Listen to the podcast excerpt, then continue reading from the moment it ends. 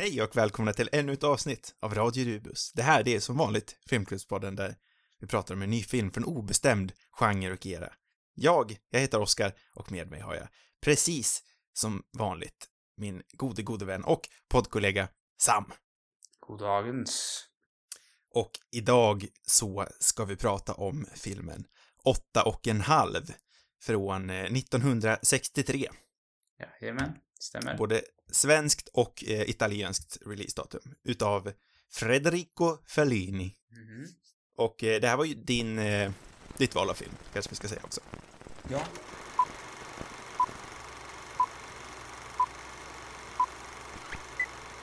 Det här är en film som eh, handlar om en plågad filmregissör, kan man säga.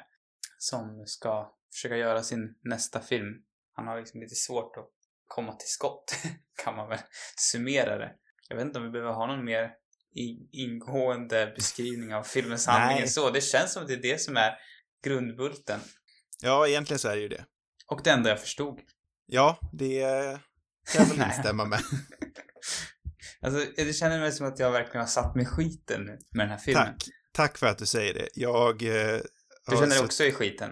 Jag har suttit här liksom i eh, förtvivlan och fruktat det här avsnittet. Ja, jag kände det igår när jag satt och kollade igenom den här filmen.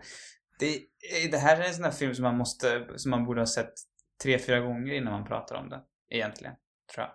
För att kunna ge den någon sorts rättvisa. Ja, det tror jag inte är omöjligt. Så här, ett, det är lite of, eller liksom o, jag vet inte, jag var inte riktigt i tittarform heller igår. Nej. Alltså, ett, en kikning i halvdålig tittarform. Det är ingen bra kombo. För mig var det en eh, första halvtimme där jag typ eh, dåsade ifrån lite av och till. Sen en eh, rätt så rejäl, ansträngt fokuserad tittning i morse. Jaha, du började igår men du gav upp alltså? Jag gav upp. Oj, För jag- oj. Tungt. Och eh, ja, det här borde ju inte gått för Italien. Det är andra italienska filmer vi väljer och den förra sågade vi väl också. Fast jag vet inte, det här kommer kanske inte bli en sågning. Men Nej, jag känner mig typ inte... Jag, jag, jag, den här är liksom inte någon... Jag kan inte såga den här filmen alls. Men jag kan nog inte så här... Jag vet inte vad jag ska känna för någonting. nej, och jag är, är väl på samma plan ändå. Filmen växte mer och mer. Ja, absolut. Jag, alltså jag tror... Det här är- känns verkligen som en film som växer ju fler gånger man ser den. Mm. Den, den har, men den bygger på väldigt mycket olika, eh, det är någon blandning mellan minnen och drömmar och fantasier. Vilket är lite av Fellinis grej också. Jag har ju inte sett någon av hans filmer tidigare. Nej, inte jag heller. Jag är alldeles färsk på herr Fellini, men, men vad jag har hört så är det han, lite av hans grej. Och eh, alla de här minnena och, och eh, drömmarna knyts ju samman, det fattar man ju liksom. Men det känns som att, att man skulle upptäcka mer och mer grejer jag, när, liksom, när jag kollade. Jag kollade på något klipp om någon som snackade om filmen och då liksom började, då så visar de de här scenerna från början och då börjar man liksom, ja just det, det där knyter faktiskt samman med det som hände i slutet. Men då hade det ju passerat så lång tid så jag hade nästan glömt bort liksom att vissa grejer förekom redan i början. Eh, alltså jag, jag hade fruktansvärt svårt att greppa tag om den här filmen och jag, jag kände väl inte riktigt att jag fick ett grepp om den egentligen förrän hans fru kom in. Det var väl då jag kände att nu vet jag liksom vad som hände, alltså vad, vad som står på spel här. Då, då blev den mer traditionell kanske. Ja, antagligen så är det väl därför. Ja. Eh, för då, ja men, man fick, ja men som du säger, man fick mer grepp om han som karaktär och vad det var som stod eh, på spel för han som en karaktär och vad han har att förlora. Men alltså jag gillar ju verkligen, igen- jag älskar ju egentligen här dröm blandat med verklighet, alltså den grejen som, som säkerligen har inspirerat mängder av filmskapare efter Fellini. Jag saknar, alltså det är väl det, det återkommer väl ofta till det filmen filmer jag inte gillar, att jag saknar, kan liksom på ett, på ett visst plan, kan, jag kan uppskatta liksom filmerna rent teoretiskt, eller vad man ska säga. Kanske inte teoretiskt, men på ett eh, tekniskt plan kanske, eller på ett, på ett intellektuellt plan kanske.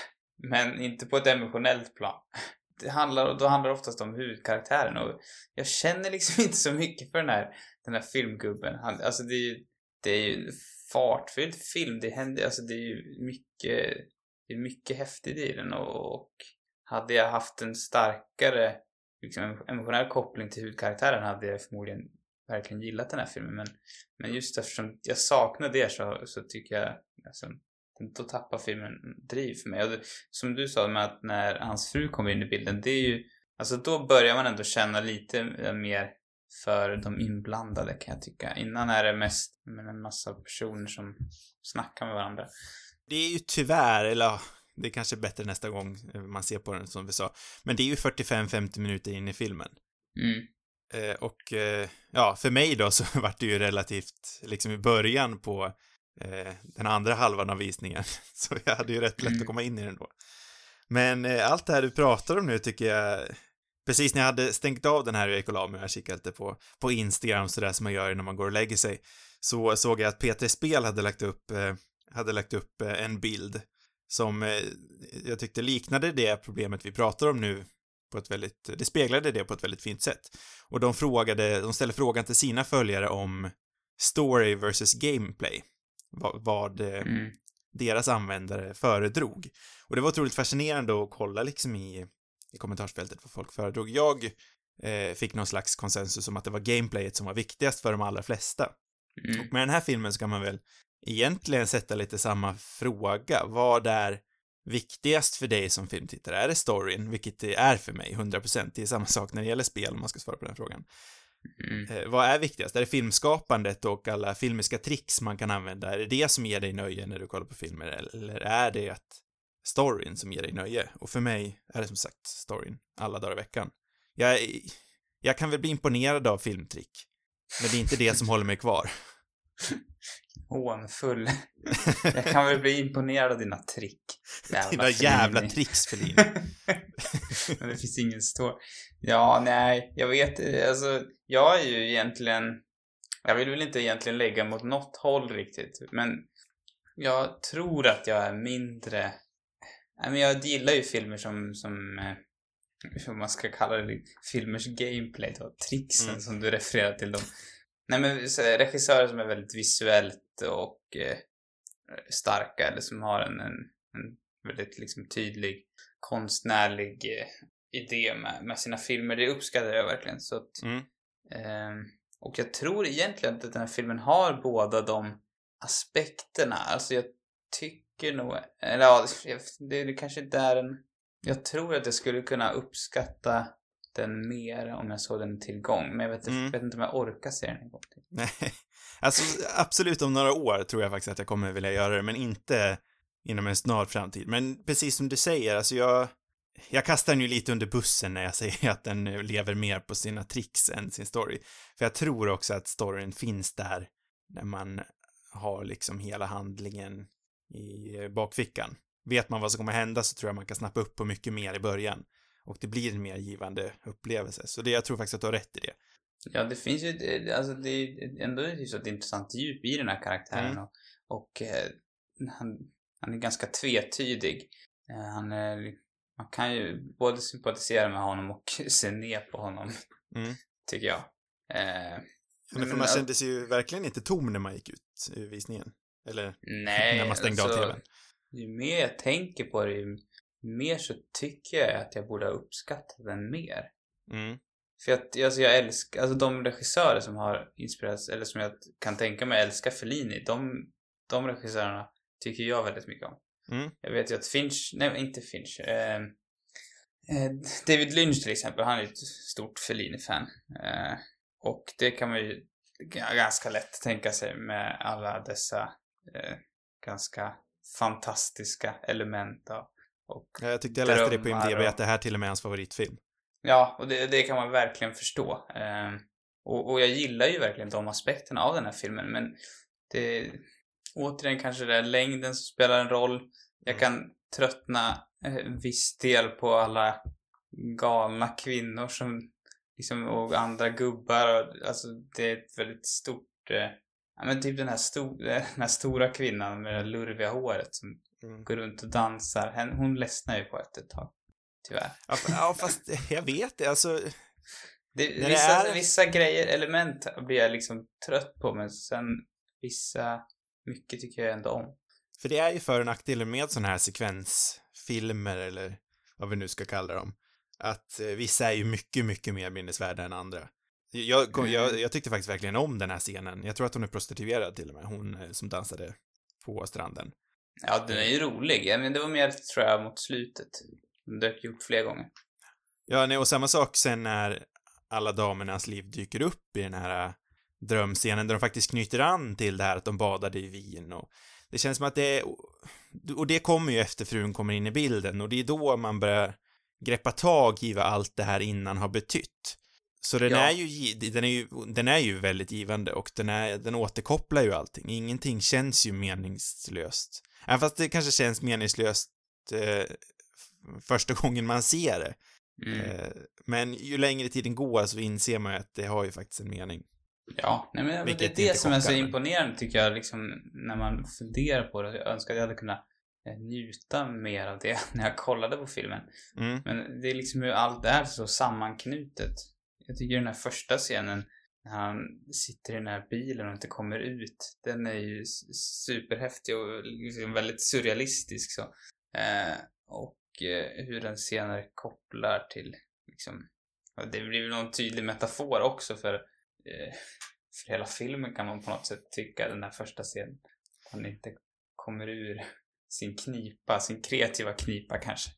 Eller man Ska jag vara ärlig, så eh, när den där öppningsscenen kom så tänkte jag, "Åh, vad fan, vad har du, vad har du tvingat mig kolla på igen Sam? För helvete, Jaha. jag orkar inte. Jag älskade det där faktiskt, men eh, det jag också kan sakna i den här filmen, det som jag inte riktigt, eh, det som också kanske blir en svag länk för mig, det är att jag inte tycker att den är så rolig som den hade kunnat varit. Nej, inte jag heller. Den sa, alltså, om man ska jämföra med, eh, med Godards samtida filmer från 60-talets Frankrike istället så de är också mycket skumt men jag, eh, han har liksom en humor som tilltalar mig mer. Det fanns några scener såklart som var roligare i den här också men, men Godard-filmerna är ju det är mer fyndig dialog ofta i dem alltså som är liksom mer som jag tycker är mer roliga och eh, det gör att man kan liksom underhållas mer av de filmerna samtidigt som det är mycket som pågår som man kanske inte riktigt fattar där. Jag vet inte, det kanske är den italienska humorn som inte riktigt, som inte jag fattar riktigt. Jag kan ju tänka mig också, eh, för den här filmen är helt eh, hundraprocentigt dubbad. Eh, Fellini Mm. gillar tydligen inte att eh, spela in dialogen när de väl är på set. Utan då föredrar han hellre liksom att skrika ut eh, direktioner till sina skådespelare. Så allting Mm. är dubbat efteråt och jag undrar om man inte tappar någonting i det naturliga liksom humor, eh, humortempot. Om man ska Ja. återskapa det igen efteråt. Det tror jag definitivt är ett problem. Alltså, sen, men den har ju fortfarande roliga scener, inte så, men, men det har inte, det är inte riktigt, inte riktigt där för mig. Han Nej, är ju väldigt mycket en straight man också, fast det är väl poängen, alltså nu tänker jag på huvudkaraktären. eh, Guidi, eh, regissören. Han är ju liksom, det är inte han som är den roliga, utan det är allt spektakel runt omkring honom som är roligt. Och det kan ju såklart funka. Det hade varit konstigt om han hade varit galen också.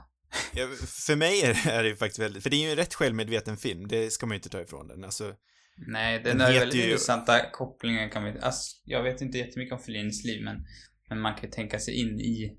Den här ju kom ju precis efter La Dolce Vita som var en mm. enorm succé liksom. Och, och eh, han slet väl med exakt samma problem som, som Guidi, hans karaktär i den här filmen gör. Ja, ja, och filmen heter ju välkänt 8,5 efter, ja, det här är hans åttionde, eller åttonde och halva film, eller vad man ska säga. Mm, Han hade ja. regisserat, eh, eh, ja, vad var det, sex stycken vanliga filmer, två kortfilmer och en, ja, något sånt där. Eh, eh, nej men så den är ju väldigt självmedveten och det har man ju liksom koll på och jag funderade ibland om det kanske inte kändes lite väl självgott. Men ibland så biter han liksom sig själv i en av mina favoritscener som faktiskt kommer väldigt tidigt. Då den här herren i den vita kostymen, jag vet inte om han var, han var inte recensent, men han var producent eller eh, manusförfattare eller något sånt där. Mm. Men han ger liksom en väldigt självmedveten gliring om allt det här, ja, ja inte övernaturliga, men eh, de här surrealistiska elementen i såna här filmer. Han säger liksom att de är svåra att greppa tag om och han vill Mm. inte ha det i den här filmen. Han tycker att det är överflödigt. Och då, det fick ett litet skratt ur mig. Skratt ur mig.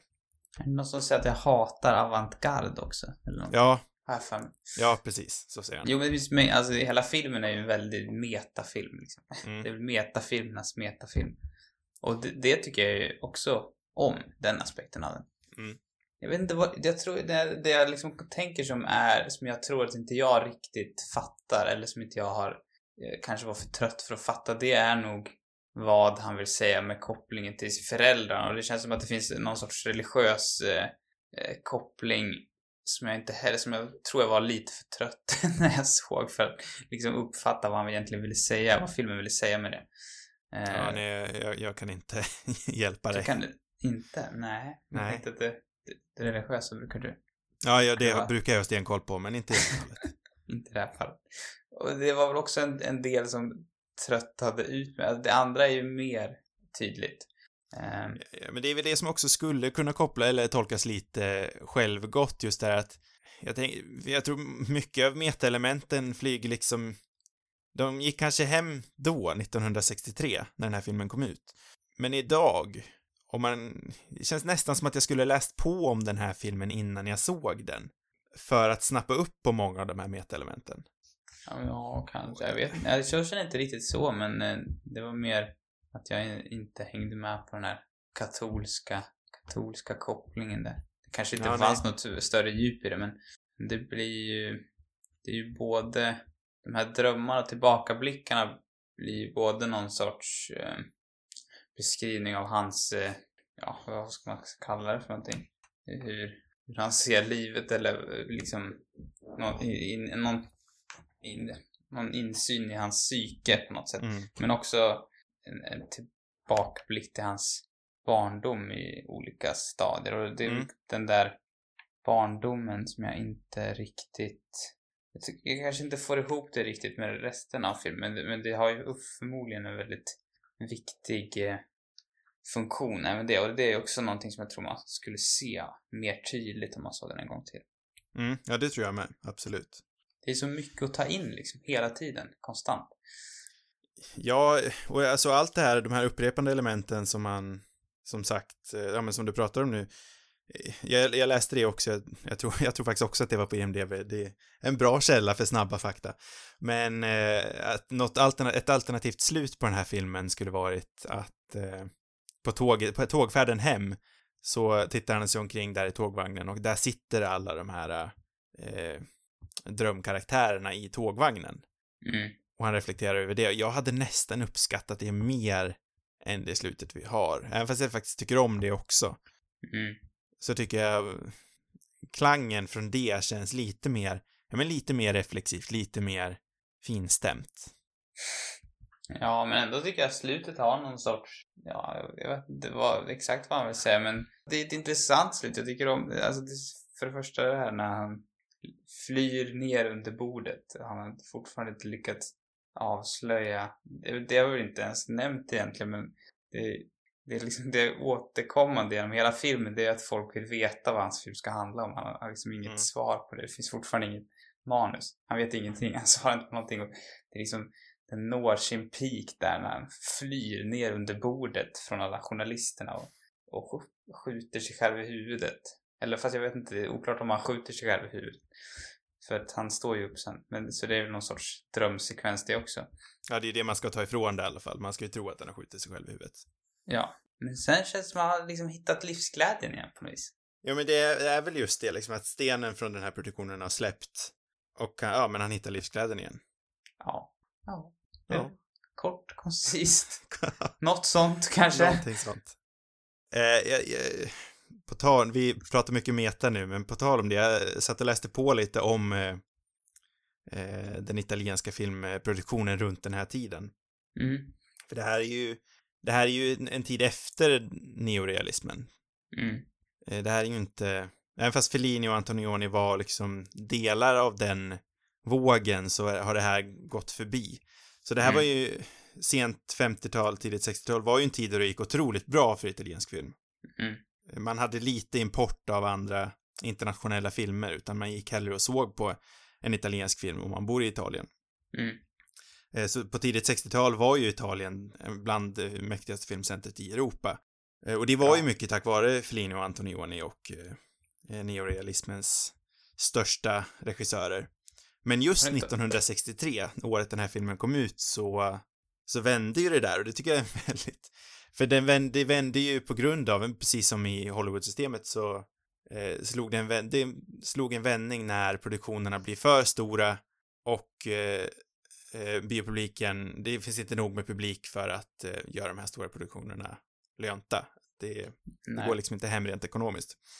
Och eh, då kraschade ju den italienska film, filmvälfärden, eller vad ska vi säga. Och det är, jag tycker bara en väldigt otrolig koppling att eh, den här filmen handlar om en väldigt stor sci-fi-produktion Mm. som kraschar ihop totalt.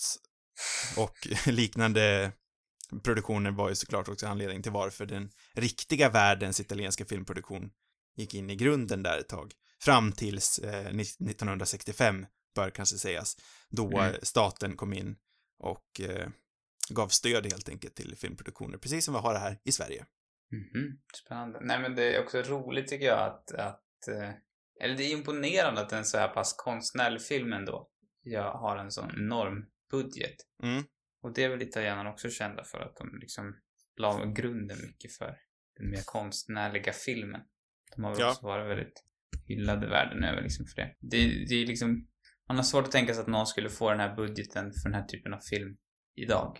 Nej, jag, jag kan inte ens tänka på vem det skulle vara. Sen finns det kanske inte så många Fellinis idag heller i och för sig. Men, men ändå. Man kan förstå att det kraschar också. Jag vet inte om det här var det här, det här kan ju i och för sig vara Nej, det, den här tror jag, den här också. var nog inte alls en flopp. Det var mest liksom stora kostymdramor typ. Mm. eh, Ja, förstår. som, eh, som verkligen gjorde att vågen tippade över till slut. Mm. Men så var, har det ju i princip varit i alla filmkulturer. Det var ju exakt samma sak i Hollywood också som ledde till eh, 60-talets eh, dåtida indie-regissörer med Scorsese och hans polare. Mm, just det. Ja. Men det, det är ju spännande hur det, hur det liksom, ja men hur, hur tiden påverkar och sådär. Det var väl också under fascist, liksom under fascismen under, efter, eller ja, kring andra världskriget som, som de här stora, vad heter den här kända italienska studion som de byggde upp då. De pumpade in massa pengar i, så det fanns väl en period liksom innan också, det här där, där staten satsade väldigt mycket på inhemsk film. Cinecitta Studio. Kan det vara den? Vad sa du att den hette? Cinecitta. Ja, precis. Är det den? Tror jag att det var. Ja. Ja. Det låter väldigt bekant.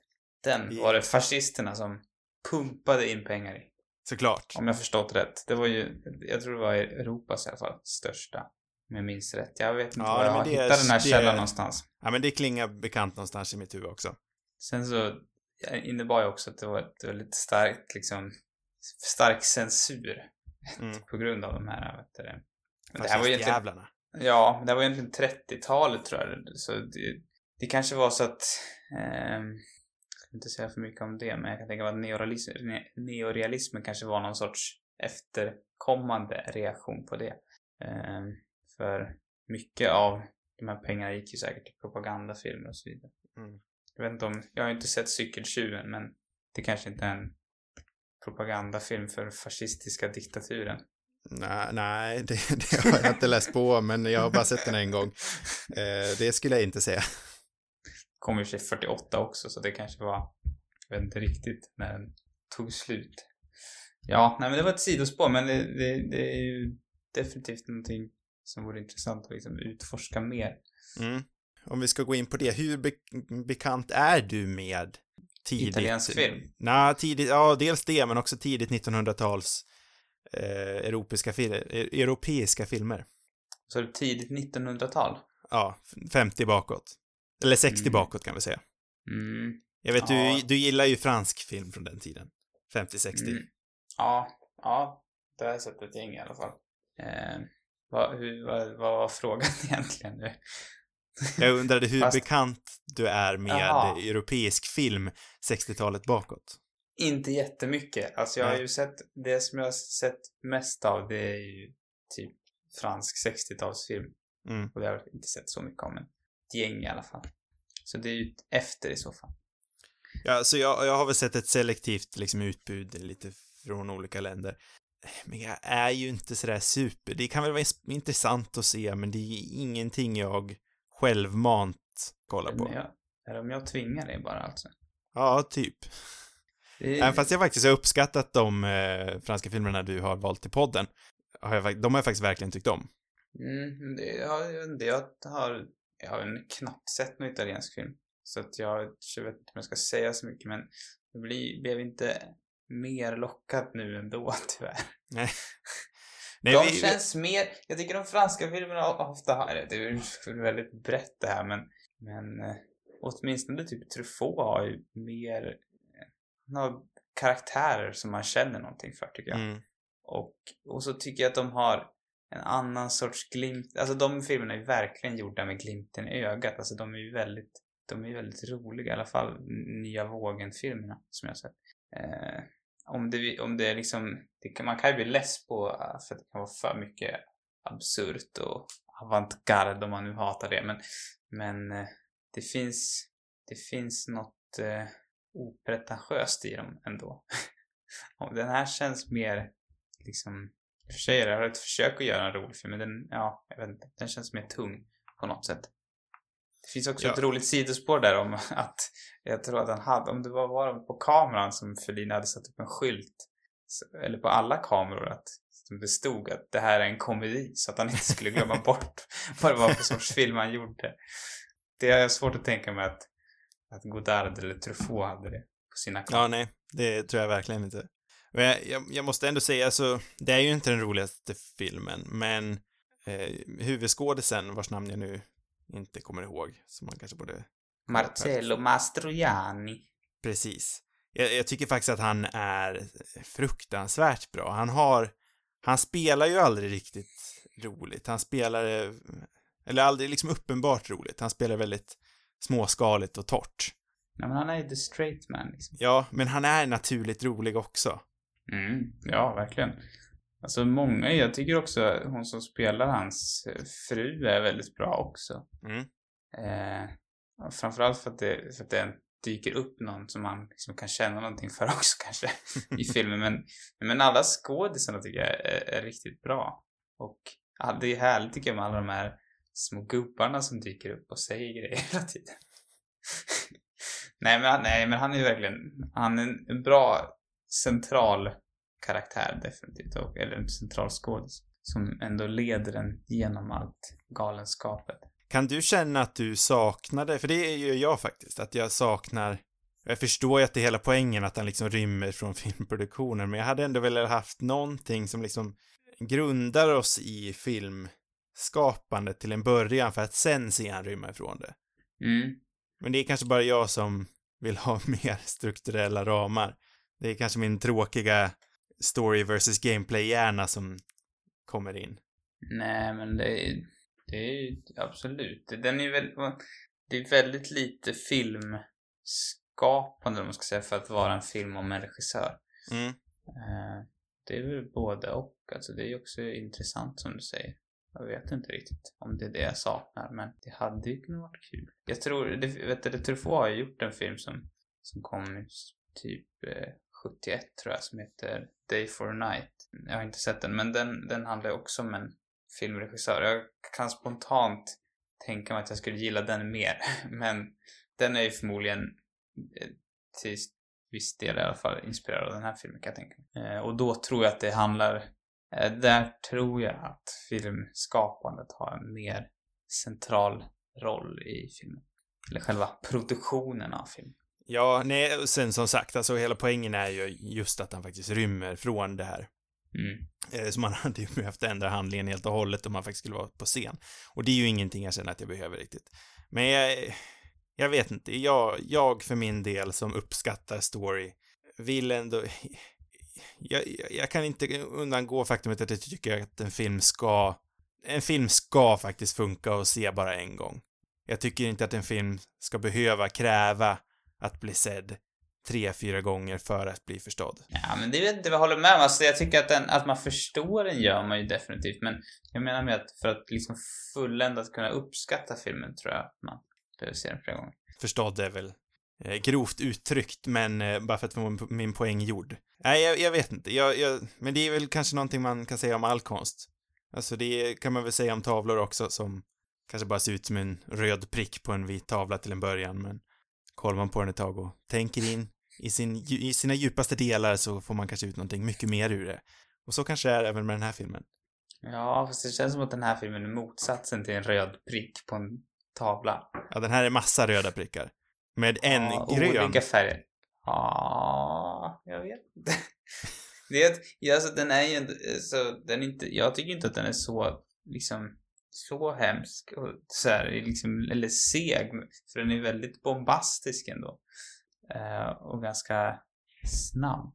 Det, det är möjligtvis att, att, man, att den blir lite drömsk. Man skulle ha varit i, jag skulle ha varit i lite, hade jag varit i så här rätt eh, eh, tillstånd tror jag att jag hade också tyckt om den mer i det här lite mer drömska tillståndet. Jag, min, en av mina, kanske, eller en av de bättre filmvisningar, eller vad man ska kalla det för någonting. När liksom filmen som jag kollade på hemma var när jag såg, såg den här um, Paris, Texas. Den såg jag, och då hade jag, jag var precis du vet, perfekt läge för att se. Mm. Den är ju mycket mer såhär, se, alltså slow, eller vad ska man säga? Vad, för säga, hur säger man slow paced på svenska egentligen? Vi förstår vad slow paced betyder. Ja, du förstår. Jag försöker leta efter. Ja. Eh, och den såg jag och då är jag liksom också själv i rätt tillstånd för den och då mm. tyckte den var väldigt bra. Jag tror den här filmen och jag skulle kunna njuta med den här filmen om jag inte eh, liksom, det kändes så här inte riktigt fokuserad. Ja, nu låter man ju mycket mer, jag tror både du och jag ändå uppskattar den här filmen. Mm, ja, verkligen. Sen så är det ju också det här som kan bli lite dumt. Man kommer in, vi snackade förra veckan om att det här är ju en sån här skämskuddefilm som ingen av oss har sett. Det är så här riktigt, en riktigt dunderklassiker som det känns som att alla eh, som för, åtminstone försöker vara någorlunda seriösa filmälskare borde ha sett. Och när man går in i en sån här som verkligen är ansedd av många, må, särskilt många av ens favoritregissörer, verkligen tycker är svinbra, så har, är ju förväntningarna liksom skyhöga. Och det ja. kan ju bli lite svårt att möta de förväntningarna. Ja, det är dumt. Det är... Men samtidigt, alltså, jag, jag vill aldrig se om, eh, vad hette den förra italienska filmen vi såg? Eh, L'Aventura. L'Aventura. Den har jag liksom noll driv att se om. Den här vill jag faktiskt se om någon gång. Ja, ja men den, den, det, det vill jag också göra. Det, jag skulle vilja se den på ett stor, gärna på en bioduk hade varit kul. Jag mm. saknade det också.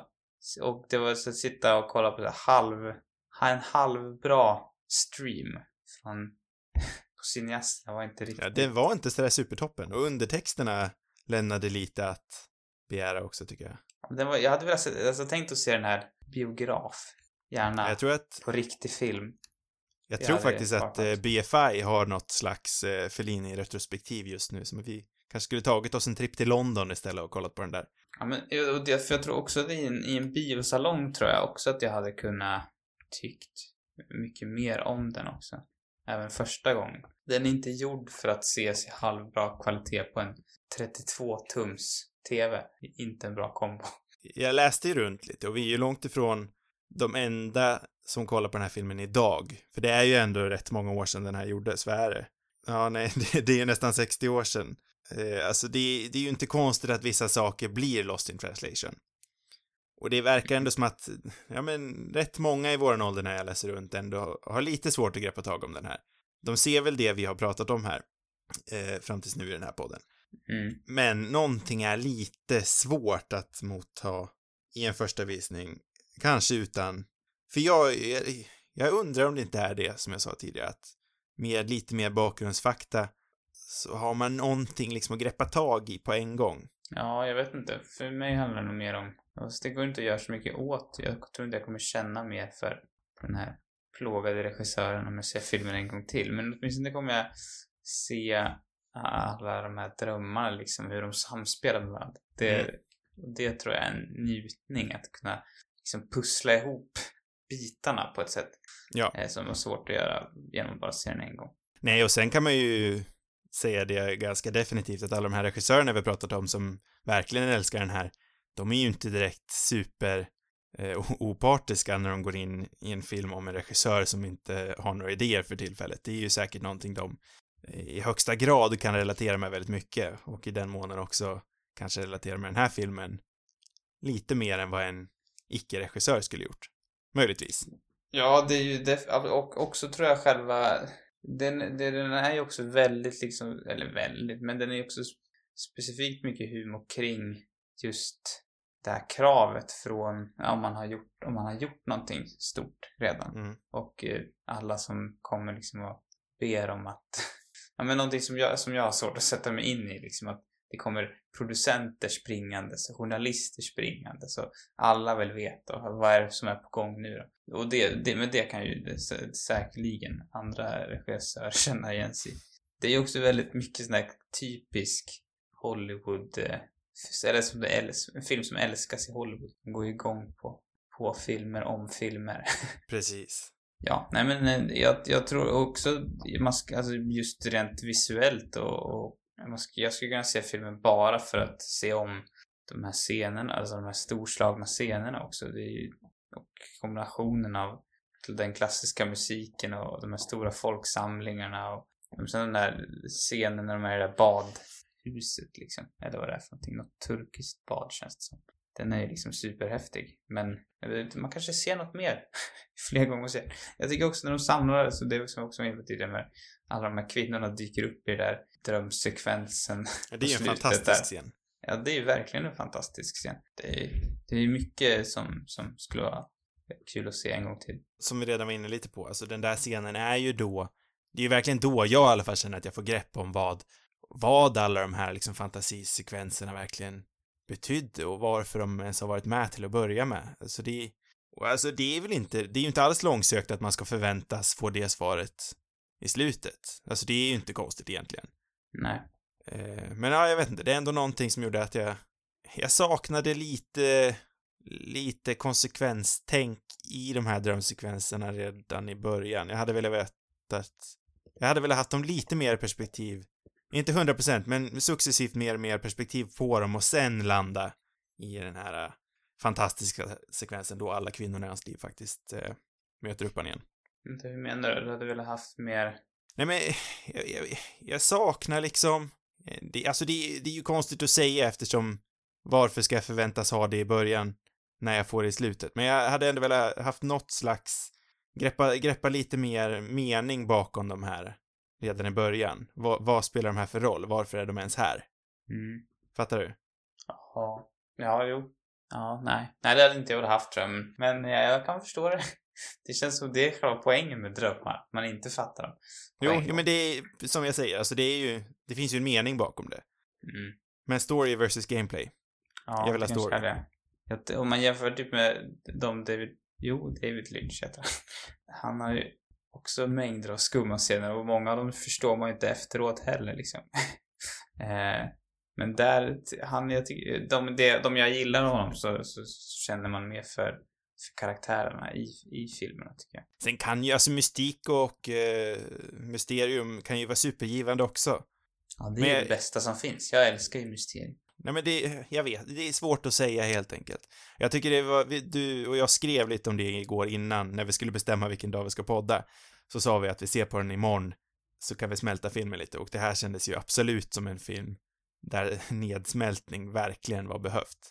För den blir bättre och bättre ju längre tiden går och jag känner att jag låter lite mer negativ än vad jag faktiskt är. Ja, den behöver verkligen smältas. Och jag har på känn att när den här har brutits ner totalt om en vecka eller två kanske, så jag tror inte jag kommer en helt annan syn på den, men jag tror att jag kommer en annan uppskattning för den.